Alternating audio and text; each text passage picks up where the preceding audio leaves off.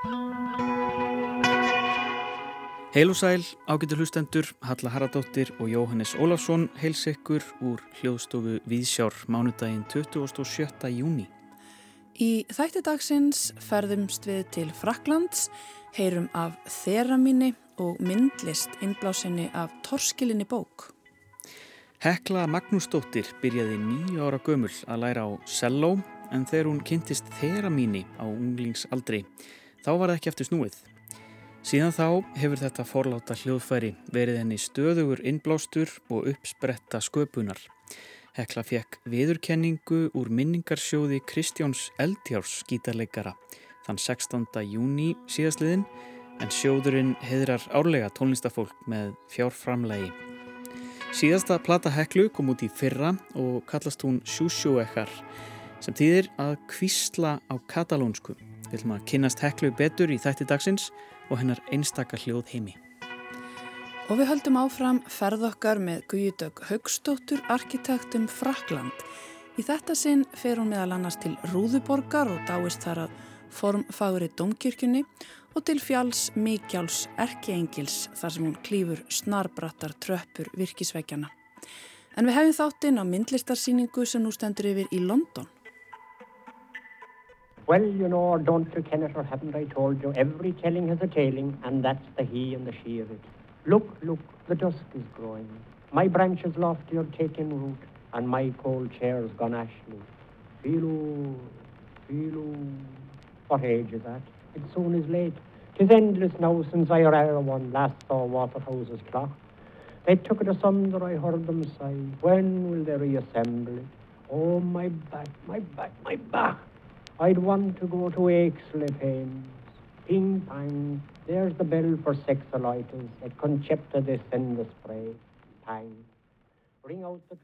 Þetta er írski rittöfundurinn James Joyce að lesa upp úr sínu síðasta útgefna skáldverki á meðan hann livði. Finnegans Wake frá 1939.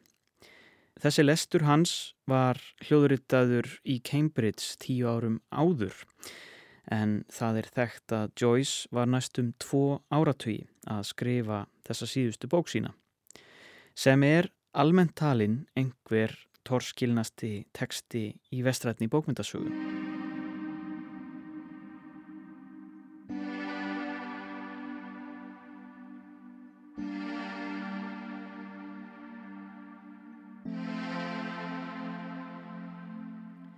Þíski myndlistamæðurinn Anselm Kiefer hefur ítrekkað reynd að lesa þessa bók, Finnegans Wake.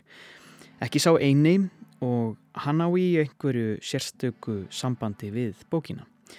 Fyrir þessum mánuði opnaði síning Kiefers í White Cube, Bermondsey í London sem segja má að sé óður til bókarinnar sem er allt um líkjandi auk vísana í æsku sína og leikfangasmíði í rústum heimilis fjölskyldu hans.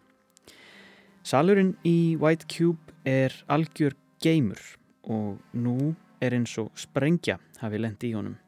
Steinsteipu, brot á víð og dreif innan um gattavýr og annað brak. Það var golf sem ég skar í endan á og það fjall niður og það var eindislegt, alveg frábært, segir Kífer þegar hann lýsir tilurð síningarinnar í viðtali við The Guardian sem byrtist um svipaleiti og síningin opnaði 7. júni síðastliðin. Síningin heitir einfallega Finnegans Wake og verkin glíma og margan hátt við texta bókarinnar, beint og óbeint. Kífer las Joyce sem ungur maður, kleifti í sig Odyssey frá 1922, eina af hortsteinum móternískra bókmynda og fór svo hægt og rólega að mynda þetta sérstakka samband við Finnegans Wake sem er að margra mati töluvert meira krefjandi lestur. Finnegans Wake er bók full af ringrásum og bergmáli í leindardómsfullu flæði sem hefst í miðjunni og endar í einhvers konar ring. Bókin veriðist innihalda öll orð, allar hugsanir og allar sögur, segir í teksta um síningu Kífers og að samaskapi endur spekla verk Kífers hans eigin kveikjur og efni í fyrri listaverkum. Þar kennir Ímessa Grasa, auk steipu hrúunar má finna leikfangahermen, ólesnar bækur úr bronsi og glerkassar fullir af ímsum munum þar meðal hjarta sem er viktað á móti einni fjöður sem vísar í forn egifska trúum þann dóm sem maður hlítur í dauðanum. Ef hjartað er þingra en fjöður fer maður til vítis. Allir þessi hlutir leika sér með yrðingar og orð, mítur og drömkendar senur úr textum James Joyce í Finnegan's Wake en bókin er tilrunakend í forminu, skrifuð í vitundarflæði og innkennist af allskynns frávikum frá hefbundnum frásagnar aðferðum og tilraunum með tungumálið. En til að mynda er hluti af bókinni skrifuð á sérmáli eða tilbúnu tungumáli sem lítill hópur eða jafnvel bara ein manneskja skilur. Kífer segist hafa byrjað að lesa þessa bók fyrir laungu síðan og gefist upp. Svo byrjaði hann aftur og þá bæði á ennsku og þísku hlið við hlið en hugsaði að það væri einhvers konar bylun. Eftir ítrekkaðar tilraunir til að lesa bókina endaði hann á að hlusta á hana og speilaði hana í stúdíónu sínu. Það hafi verið eins og tónlist. Where now are all her children say In kingdom gone, all power to come, all glory be to them father all alluvial, all alluvial, some here, more no more, more again lost and a stranger. Steipu brakið allt saman fór vel saman við Finnegans Wake, segir Anselm Kífer við Guardian. Þetta er upphaf einhvers, ekki endurinn. Þetta er byrjunin. Kífer lýsir því hvernig hann væri ekki til ef foreldra hans hefðu ekki verið á spítalanum að býða eftir að hann fættist. Þau væru dáinn og þar með ég. Brotna steipugólfið er ein af innsetningum síningarinnar í bland við málverk og skúltúra sem mynda eins konar völundarhúsum síningarsalinn. Ólögulega steipur hrúan lítur út fyrir að vera trakísk rúst með gráu riki sem líður upp í dimlýstan salinn en Kífer segir að þarna sjáu hann aðeins upphaf. Þetta á sér rætur í hans eigið. Hann er fættur árið 1945 á loka metrum síðari heimstyrjaldarinnar í Donauesíken, fallegum bæ í Svartaskógi í söður Þískalandi við upptök Donár. Hann lýsir því hvernig móðir hans hafi verið í spítala kjallaranum með hann í fanginu nóttina sem húsið þeirra var sprengt í loft upp. Þegar hann var krakki átt hann engin leikföng og úr þeirri þörf var til nýsköpun og hann fór að byggja úr múrsteinum sem lágu í rústónum. Fjölskyldan hafði flutt í húsið hliðin á sprengta húsinu og Kífer hafði því gott aðgengi að rústónum sem hann segir að hafi verið frábært. Sem barn dæmi maður ekki, segir hann. Maður tekur hlutónum eins og þeir eru og nýtir þá. Fyrir mér voru þetta ekki hamfarir, þetta voru leikföngin mín. Það hafði gríðarlega áhrif á Anselm Kífer að alast upp í landi í rúst og búa hliðin á heimili í rúst. Hann hefur verið að gramsa í sprengjurústum sögunar allatíð síðan og málverk hans og innsetningar bera með sér martraðakendar senur úr sögunni eða kannski framtíðinni. Sögu sem fer í ringi.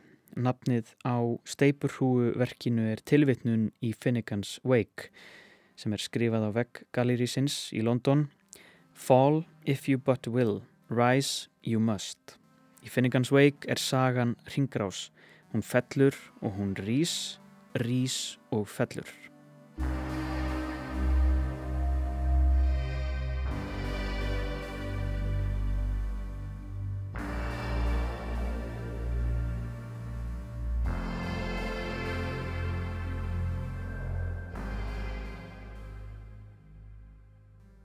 Ég ringdi í Margreti Tryggvadóttur formann Ríðtöfundasambandsins. Hún fór að skoða því Finnegans Wake á dögunum.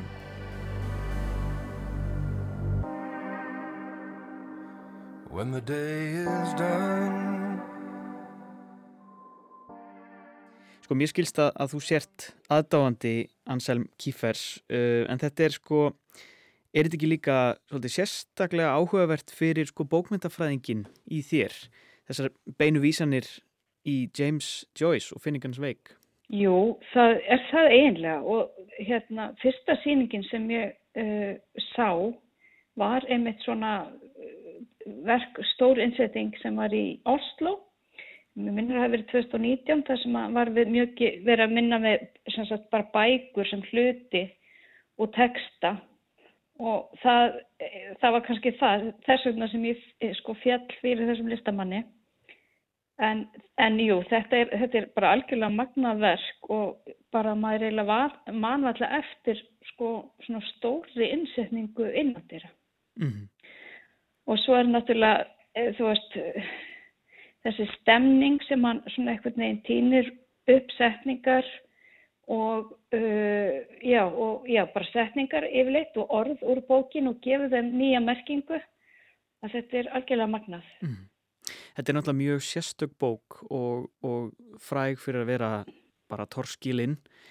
Hann notar hanna svolítið ymitt, notar orðin úr hennu og yrðingar og mítur og ímislegt. Hefur þú, hefur þú lesið þessa bók? Hefur þú gert allavega tilrönd til þess? Sko ég hef, ég, ég, ég þurfti eitthvað tíman að lesa svolítið í henni, ég hef ekki klárað hann alla, en ég hef nú svo sem lesið önnur verka eftir Tim Stjós. En, en svona, ég er svona kunnu henni á þess að hafa kannski innbyrstan í heilu lægi. En ver, þetta verk, hérna, eiginlega kveikti svolítið í manna að ná í bókina. Út af öllu þessum svona, kannski tengingum sem maður hafði ekki séð eða svona kveikti eitthvað neista bara. Já, og, og líka bara einhvern veginn þarna voru e, náttúrulega alveg dásamlega setningar líka sem einhvern veginn var alveg ótrúlega, ég bara urði mjög sterkar í þessari svaðarlegu innsetningu og málverkum og, og skúltúr og, og já, bara þessari upplifun, heildar upplifun. Getur líst aðeins þessum, þessum sál, hvernig það koma þarna inn í, inn í þetta, þetta er reysastórt, er það ekki? Þetta er svo ótrúlega stórt Þetta sagt, er í gallerinu í hérna, uh, London, Anna, þetta er náttúrulega annar að tveimur en það er uh, nærið því sko 5500 fermetrar og þetta eru margi salir og gangur og uh, að því ég var náttúrulega að skoða hvernig að, að þetta er allt sem, að, þetta er sölu og þess að skipt upp í, í nokkur verk. Og hérna þannig að það er að köpa hlut af þessu. En sko Eh, mað, maður eiginlega gengur inn e, í, í hennan bara sérstaklega heim og það er eins og að ganga, sko, það, þetta byrjar á sagt, löngum gangi og svo eru galeri í salitnir uh, eh, bá, báðum megin við til hliðar og mistórir mm. og, og sumt er bara nánast eins og litla geimslur og meðan allt, annað eru flennistóri salir. En gangurinn þarna er algjörlega að magnaður og hérna, þess að þekkja Uh, verk Kífers vita að það er oft mikið oflæði, hann er að vinna með uh, fundna hluti, uh, bæði manngerða og oft mjög tákrana hluti en líka svona efnu og náttúrunni, hann var þarna með til dæmis gríðarlega stór hérna, döð solblóm sem að einhvern veginn voru algjörlega mögnuð og, og svo er þetta semsturinn allt málað og, og hann náttúrulega og, þetta kemur einhvern veginn með einhverjum dölafylgum hætti gríðalúi regla í allt saman. Þannig að þetta er svolítið eins og að fara inn í svona einhverja veröld bara eftir sko heimsenda eða eitthvað slíkt þegar maður gengur inn en hann gang og hann er bara, þú veist, hann er alveg ótrúlega langur uh, og það er svona, það er ekkert ofslega góð lýsing þar þannig að þetta verður svona, þetta er bara mjög sérstakt og svo fer maður inn í salina og þá eru svona ólíkir hlut, hlutir, bæði svona, svona innsetningaverk uh, skúltúrur en líka málverk og bara, þú veist, algjör, þetta er bara algjörlega magnað. Og hann er, hann er náttúrulega mikið að, að vinna með sko, já, svona hluta af, af síni æsku og sínum, sínum uppruna sem er náttúrulega þarna þessi, þessi borg sem var sprengt upp í, í alveg í lókstríðsins og hann segir að, að hérna hann, hefði, hann væri ekki til ef að, ef, nema að fóröldra hans hefðu sko ekki verið á spítalanum að býja til honum. Uh, og, og, og notar þessi þessar svona þessar rústir, rústmyndmál er mjög stórt einhvern veginn og hann tengir það við uh, Finnegans Wake? Já, ég ætla nú kannski ekki að hérna uh, ég get svo sem ekki að því ég hef ekki, hef ekki það er svona svolítið færð að hérna bókinu farin að ríkfalla hjá mér og ég hef ekki lesið hann alla. Mm -hmm. en, en maður tengir mjög stert við þessa svona heimsenda stemningu.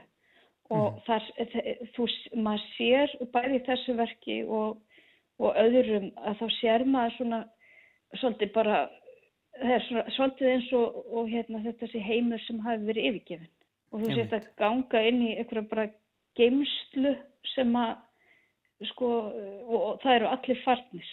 En svo er alltaf einhver, sko, einhver vonðarna og, og gríðarlega fegur í bara massanum og öllu ríkinu og hérna moldarlitunum þá kemur alltaf þessi gilling sem hann nota svo fallega.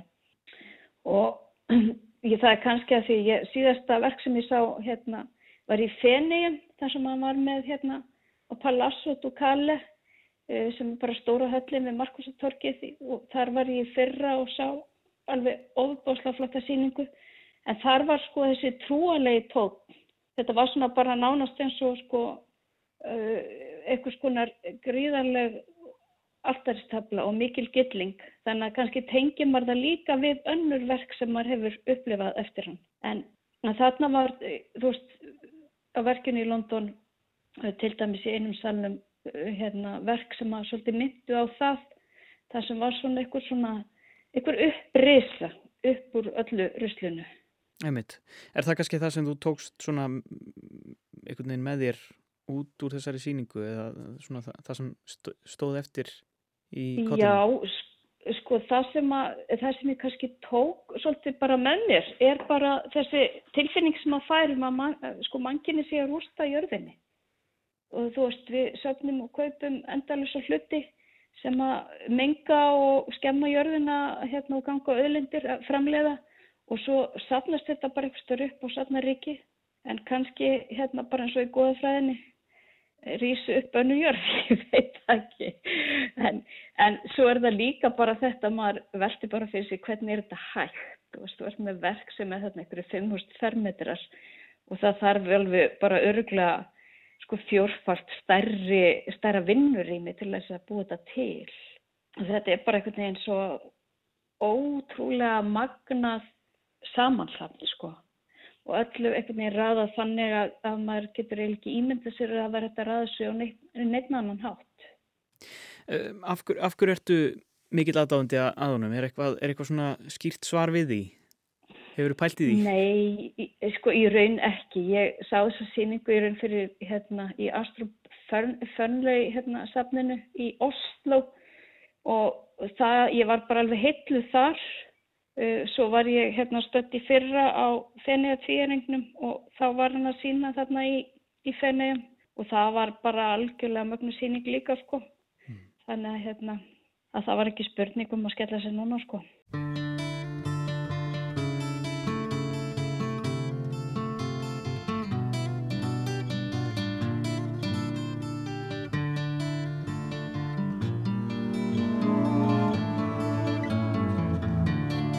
The day is done Down to earth and sinks the sun Along with everything that was lost and won. When the day is done When the day is done Hope so much your race will be all wrong. Then you find you jumped the gun Have to go back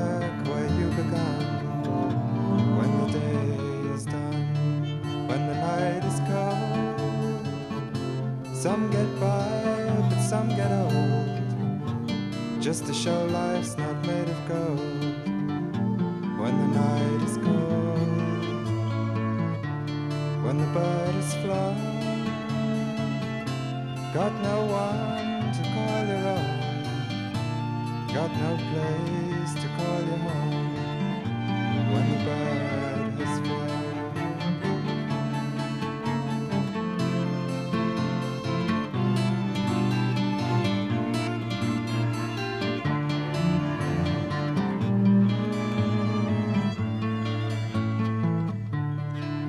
game's been fought. Newspaper blown across the court.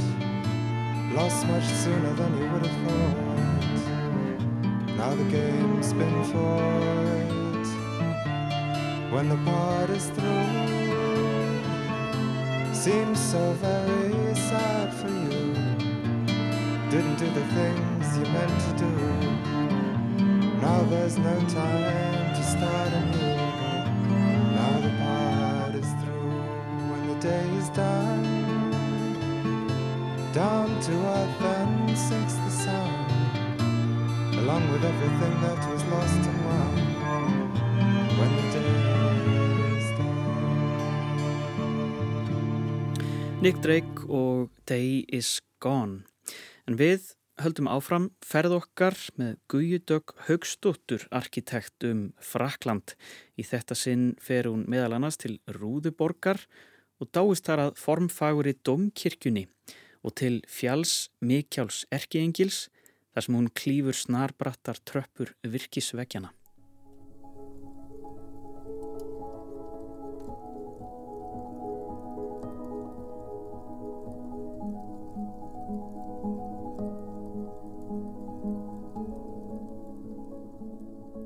Sameinleg yfirskrift á þessari pislasirpu minni hér í Víðsjá, Snemsumars það herrans ár 2023, er ferðast á forsendum tunglsins. En í dag er það glóandi halastjarnar sem geysist áfram á kvolvi heiminsins.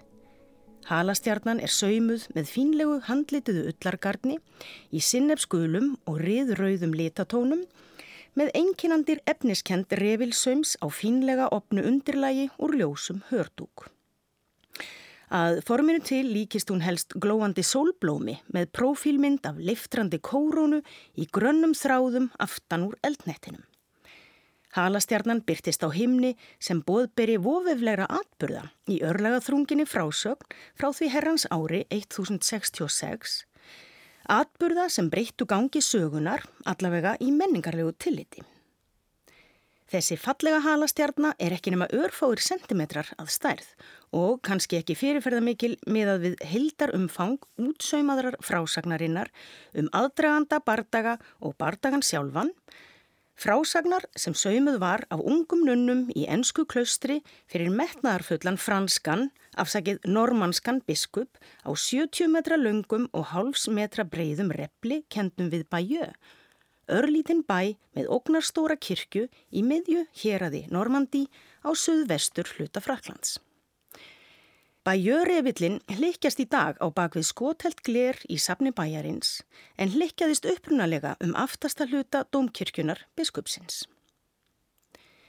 Auk burðarpersona í frásögninni sem ímist eru gladhlakkalegar í góðum byr á leið yfir Ermasundið á veiðar, vaðandi í leirfjörunum við strandlínu Normandi með buksutnar hissjaður upp í klof eða öllu alvarlegri á sveip í grimmúðulegum bardaga í útsaumuðum brinjum á baki útsaumaðra hesta, má á sérdilis heitlandi replinum einnig sjá vandlega útsaumuð húsakinni sem vísa til mikilvægra staða í héræðinu, svo sem rúðuborgar og fjalls Mikjáls Erkengils, svo íslensk tunga sé höfð á takteinum. Auðvitað á ég hér við Rouen, sem staðsett er um 150 km til austurs og Mont Saint-Michel, sem staðsett er um 100 km í heina áttina til suðvesturs frá þeim fína smábæ Bajö. Og íslenskri tungu get ég hægilega beitt í þessu samhengi því hér er ég komin í þúsund ára gömul fótspor forfeðra okkar í Viking frá Norðurlöndum sem ferðust eins og sjávarföllin og skrásettu ferðalög sín með orðum sem lifað hafa áfram í tungumálinu. Í ólínulegum hugrenningum mínum dettur allt í einu inn að mögulega sjórið Ódó rakið til biskupsins sem hétt þessu nafni, hálfbróðir Viljáns Sigursæla sem atti til bardagans. Ódó þennan má einmitt sjá á replinum bæði sitjandi í skrautklæðum með skelmislegt augnaráð og farandi um á hestbæki með kilvu á lofti. Því ekki kom biskupi til hugar að missa af spennandi bardaga þó kirkjunamaður væri og ekki leifilegt að taka líf manna með vopnum. En róta þá, það fannst honum hann hljóta að meiga.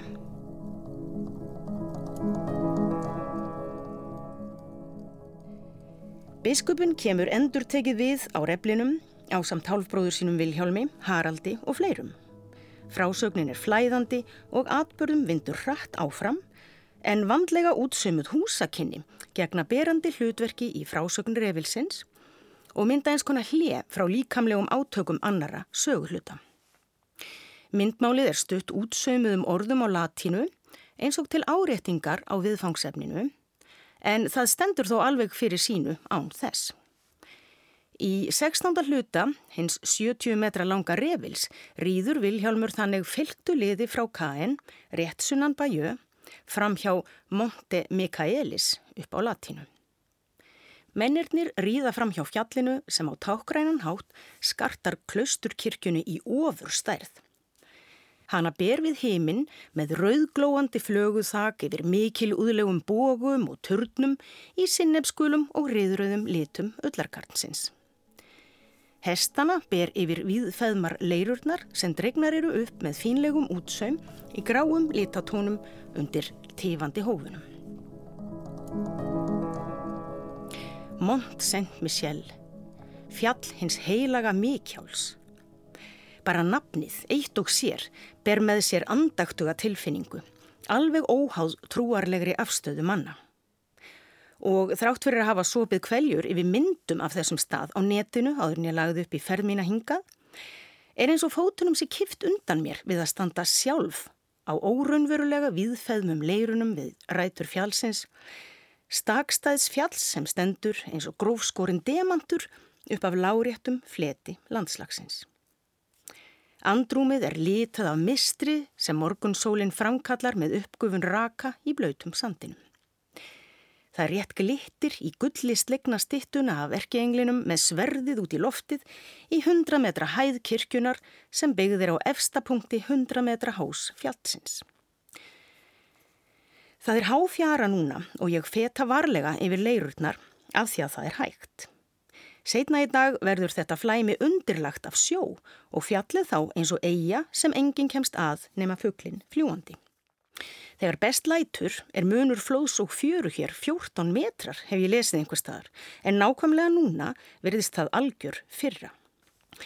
Mont Saint-Michel stendur andspænis mér eins og marandi tálmynd eða sjónkverfing upp úr dún mjóku ljósu undirlæginu. Fata Morgana sem geti allt eins tekið upp á því að hverfa sporlust áður en ég næ alla leið. Franski heimsbyggingurinn Maurice Merleau-Ponty var upptekinn af líkamlegri upplifun manna sem hann vildi meina að samlægist eða taki sér bólfestu í rýminu sem farið er um. Líka með okkar, segir hann í bóksinni Primacy of Perception eða frum atriði skinjunar frá 1964, líka með okkar er ekki í rými á sama átt og hlutur væri. Líka með okkar kemur sér fyrir í rýminu og lagar sig að því. Við flytjum hann til án utanakomandi verkfæra og jáfnvel án ásetnings því hann er hluti af okkur sjálfum og það er í gegnum hann sem við höfum aðgang að umhverfinu. Áþreifanleg form í rými og fjarlægðir þeirra á milli verða ekki afstafa á milli ólíkra punkta í hlutlægu umhverfi heldur öllu fremur tengslinn við þá út frá miðlægu sjónarhortni, það er líkamanns. Þetta hljómar kannski óskiljanlega þegar því er slengt svona fram, en þar sem ég bröldi upp snarbrettar tröppurnar sem liggja innan virkisveikjana, því þetta er líka alvöru virki, þar sem ég paufast skref fyrir skref upp endalust margar granitröppur sem skáskjóta sér upp hlýðarfjallsins með snarbretta granitveggi kirkju og klausturs, kapella og konungssala, lóðrétt á aðra hönd og gríðarlegt útsýni yfir allar leirur alheimsins lárétt á hina, rennur líkamleg skinnjun mín saman við umleikjandi form ef ekki bara hreinlega saman við rýmið og tíman.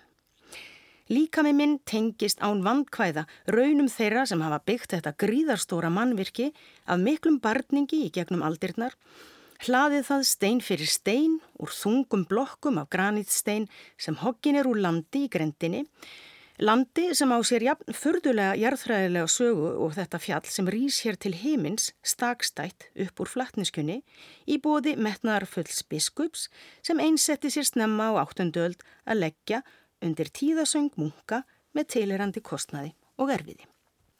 Stein fyrir stein hefur verið stækkað, betrum bætt breytt og aukið við byggingarnar sem er ekki bara hlaðnar, heldur virðist eins og þær séu beinlýnist hengdar utan í massífan kjarnafjallsins, þungt neðst og léttara eftir því sem ofardregur, með rómanska hálfringboga frá 11. öld og gottneska brottboga frá 12. öld tegja þar sig upp til heimins þar sem heilagan mikjál ber við loft í glóandi gulli, haldandi sverði sínu á loft til að verjast djöplum heimsins fyrir okkur hinn.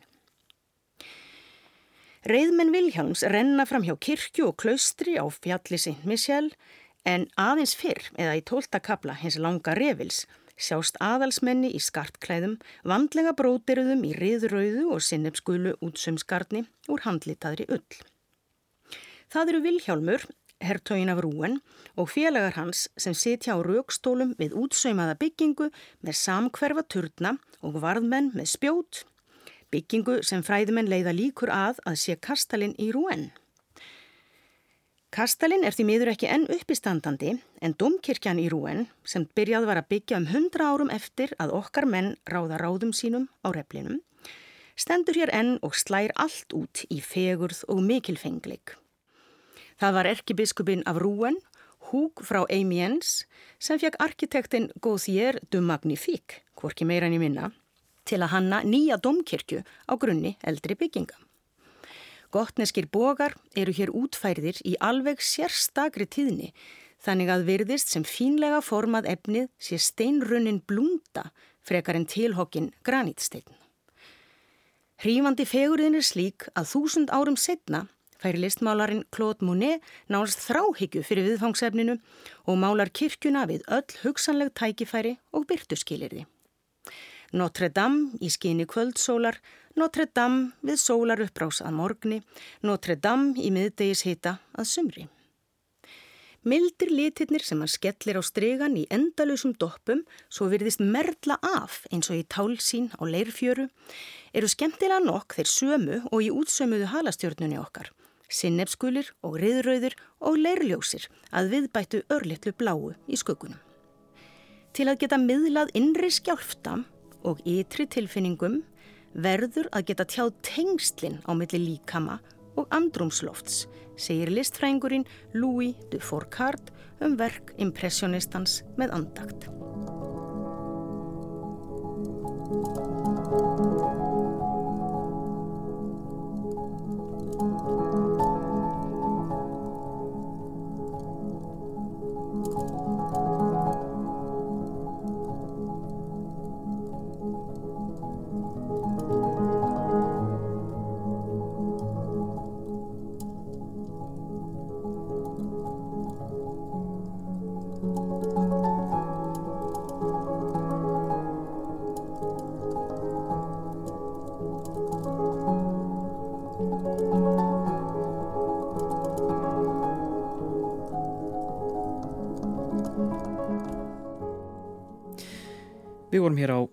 Ferðalagi með Guðjudögg Haugstóttur, arkitekt um Frakland en við fáum að heyra af hennar ferðum í lokapisli Guðju dagar á fymtudaginn. Emitt, en þá er komið að tónlist Hekla Magnúsdóttir. Hún fekk viðurkenningur minningarsjóði Kristjáns Eldjátt skítalegara þann 16. júni síðaslegin en sjóðurinn heiðrar árlega tónlistafólk með fjárframlægi. Hekla hefur verið virk í íslensku tónlistarlífi frá 2007 en 2014 hóf hún sólóferelsinn með plötinni Hekla. Hún hlautið mitt mikið lof og vann krömsverlun það árið. Síðan hefur Hekla gefið þrjár plötur til viðbótar þar sem hún notast helst við þeramin, selló og sína eigin rött til að skapa einstakann hljóðheim. Síðasta plata hennar kom út í fyrra og kallast hún Sjúsuegar sem þýðir að kvísla á katalónsku.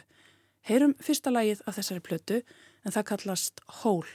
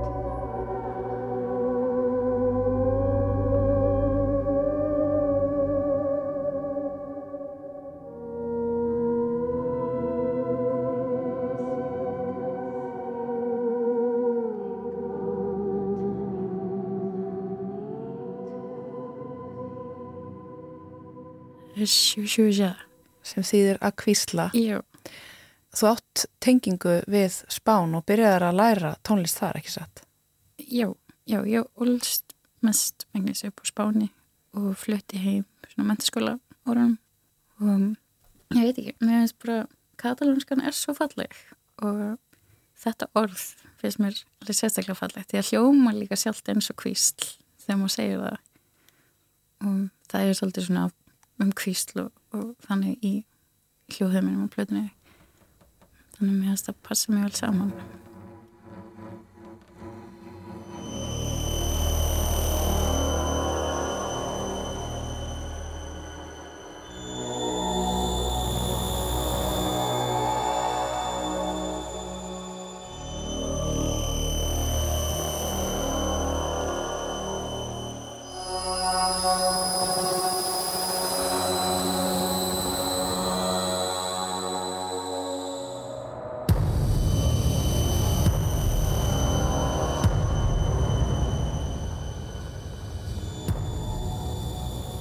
Hvernig kom tónlistininn í lífið þitt, Tekla? Um, ég byrja að læra salun nýjóra gömul um, þegar ég bjóð spáni og lærði það og svo 17 ára gömul þá fekk mér mitt fyrsta þegar mín sem er eitt af fyrstu rafhljóðfærunum og heitlaðist mjög af þeim hljóðheimi og mér fannst líka mjög gaman hvað hvað var svo allt öðruvísi heldur en klassíska námið sem ég hafi verið í og ekki að formfast og bara svona allt annar heimur og opnið svo margir möguleikar með því. Og svo fór ég í bíanám í tónsmíðum og svo var ég að ljúka núna mastersnámi í listkenslu með tónlist. Ég hef verið undarfærin ára að kenna svolítið á þeir mín, alltaf svona smiðjur og í tengslu við grafíska nótnaskrift því að hljóðfæri býður upp á þann möguleika að teikna tónlist í loftinu. Því að já, hljóðfæri það, það er spilað án þess að snerta það, það er svona eh, sem er sérstakt við þetta hljóðfæri.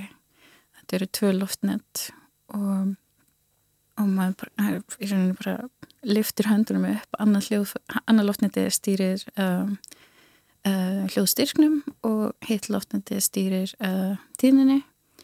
Og ég hefur svona verið að þróa mína tækni í hvernig ég, spila á hljóðfærið það er einhver ákveðna svona reglur eins og í þessum klassíska heimi sem ég var í þá áður um hvernig þú átt að nálgast hljóðfæri og hvernig þú átt að spila.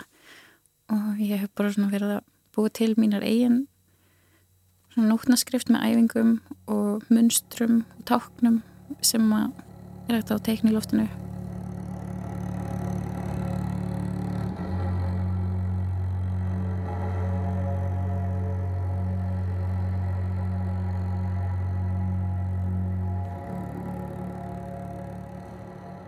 Getur þú sagt mér aðeins meira frá hljóðfærinu þeirra mín, svona um sögu þess? mm, Já, það var fundið upp cirka 1920 þannig að það er orðið rúmlega 100 ára gamalt og var fundið upp að Leon Thermin sem var rúsneskur uppfinningamæður og hann fann upp fullt af öðrum hlutum líka um, líka hljóðfæri og alls konar. Og um, þetta var fyrsta hljó, rafhljóðfæri til að vera um, fjöldaframleitt bara í heiminum. En það var auglist sem svo að fólk bara söflar höndunum og það kemur tónlist. Og það var svona aðeins flóknar en það. Það er alveg tekt til að vera mjög erfitt að spila á það því það er ekkit áþreifanlegt. Hvernig myndast hljóðið? það er unnar rafsjálfsvið og í rauninni því nær sem það kemur að tíðnisloftnetinu því herri verið tótnin og því fjær því dýbri verið tótnin og því nær sem vinstri hendin kemur að uh, hljóðstyrksloftnetinu þá kemur þögn og þegar liftir henni þá kemur herri hljóðstyrkur þetta er svona samhæfing vinstra hægri handar og reynir mjög mikið á tón eirað þannig að þú þarfst að hlusta mjög vel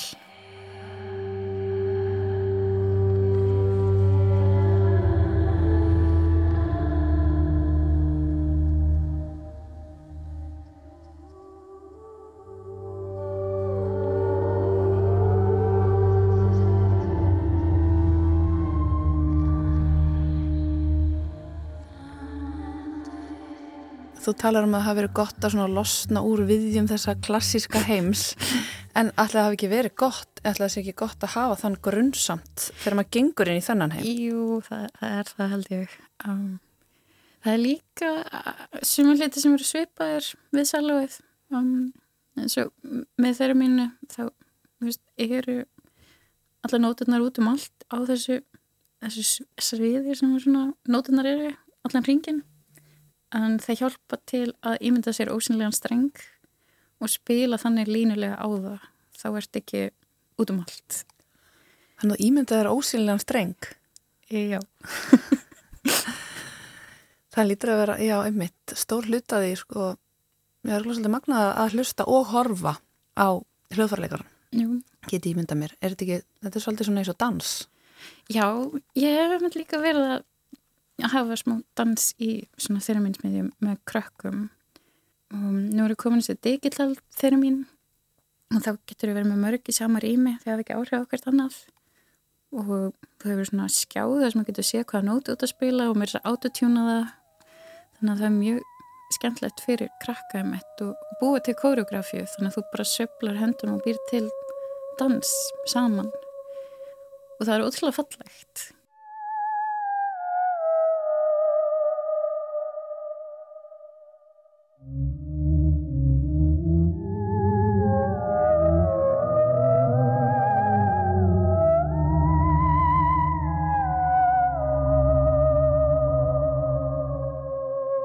Þessi grafíska nótnaskrift, ég hérna setja fyrir mig sem eitthvað svona mjög persónlegt eða hvað? Já, mér finnst það, það er að skemmtilega við grafísku náttaskeft að hún er þarft í rauninni engan bakgrunn í tónlist til þess að búið til grafísku náttaskrift hún er svona meira aðgengileg til þess að halda svona tónlistanámskeið það er, allt, hún er alltaf bara mjög einstaklings af hver sem er hefur svona sinn stíl og, og ég er heldur ekki að segja hvernig það á að vera. Ef að fólk vil búið til að hafa mismandi liti fyrir ákveðna hreyfingar eða hvað sem er. Mm -hmm. það getur bara verið mynd af einhverju landslægi eða einhver alveg abstrakt eða línur. Ég get ímyndað mér þessi mjög gaman að kenna krökkum á þetta hljóðfari það sem er með svona opin huga. Já, að það, það er líka, þetta opnar svo mikið fyrir einhver svona nýja, nýja nálgun og að hugsa tónlist á allt annan hátt og sjá hann einhvern veginn fyrir sér í loftinu og, og líka inn með dansi, að þetta er einhvern veginn allt blanda saman.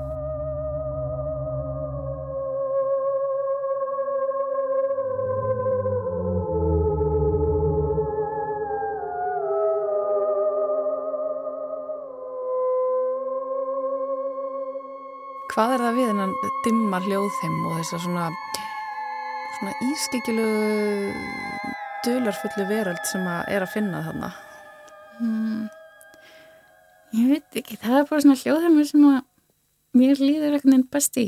Ég hlusta rosalega mikið á svona hryllingsmyndasoundtrack og já, mér veist það ég veit ekki okkur það er einhver, einhver, einhver líður eitthvað vel Kem bara, kem bara beint á hjartanu.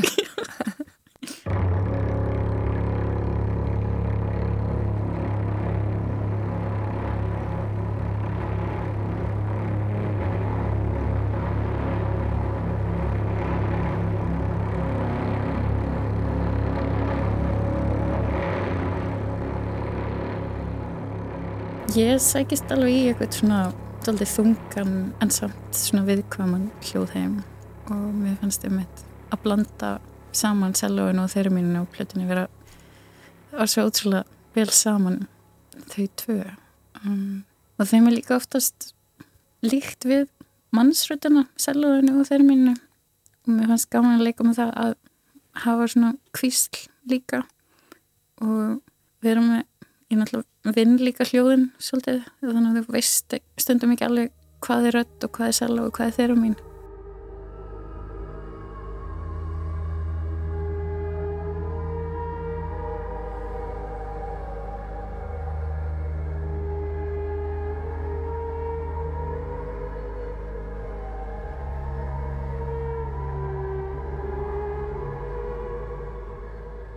hvenar vissuru að þú vildir nota röddina?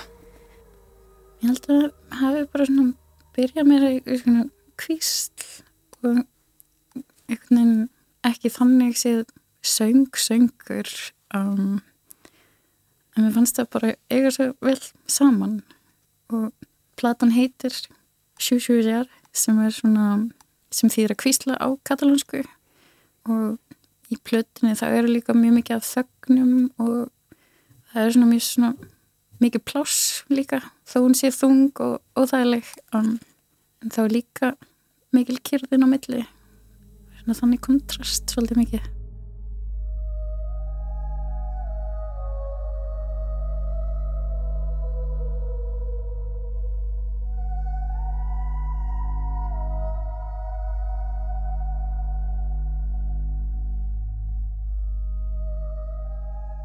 Mér langar reyndar að spyrja þig líka um eitt varandi sko hljóðfærið út og ég er svona að reyna að ímynda mér hvernig þetta er þú ert að skapa og búa tónlistina til. Hvernig æfum maður sig á þeirra mín? Ertu þá bara að dansa? um, Ég er mikið að teikna munstur og ták og svo improvisa í kringum þau. Og ég nota nokkra lúpera til þess að geta lúpað saman mörgum línum af þeirra mínum og búið til einhvers konar svona þeirra minn kór og þá getur maður líka búið til hljóma. Það, það er svona helst í kringum spuna og grafísk nótanskrift Mm -hmm. Ummitt Ertu byrjuð að vinna í næsta blötu? Já. Já. Ég, ég, hún, ég, ég er að taka henni upp núna í sumar. Já, hún, hún verður ábyggilega ekki taka mikið léttari. En þessi Þú ætlar að vera áfram á svipum nótum. Já, um, bara svona kannski aðeins þingri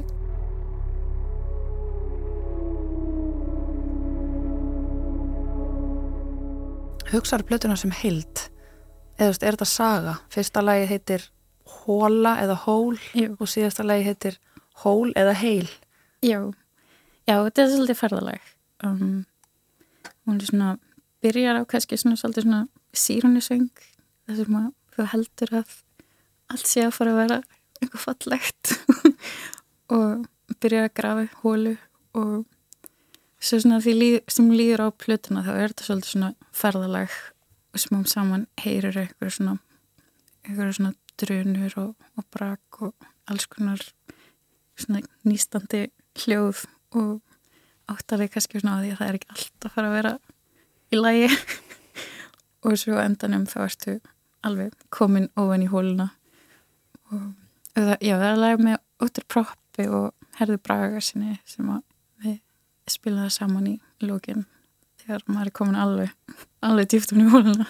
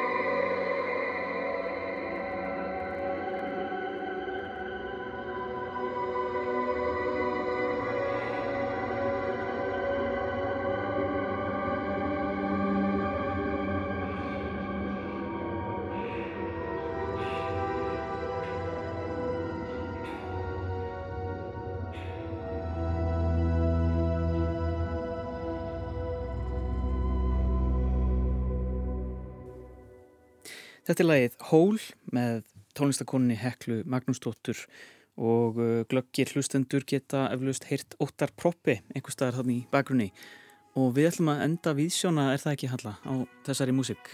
Jú, endum þennan mánudags þátt á þessari dularfullu og fallegu og einstöku tónlist.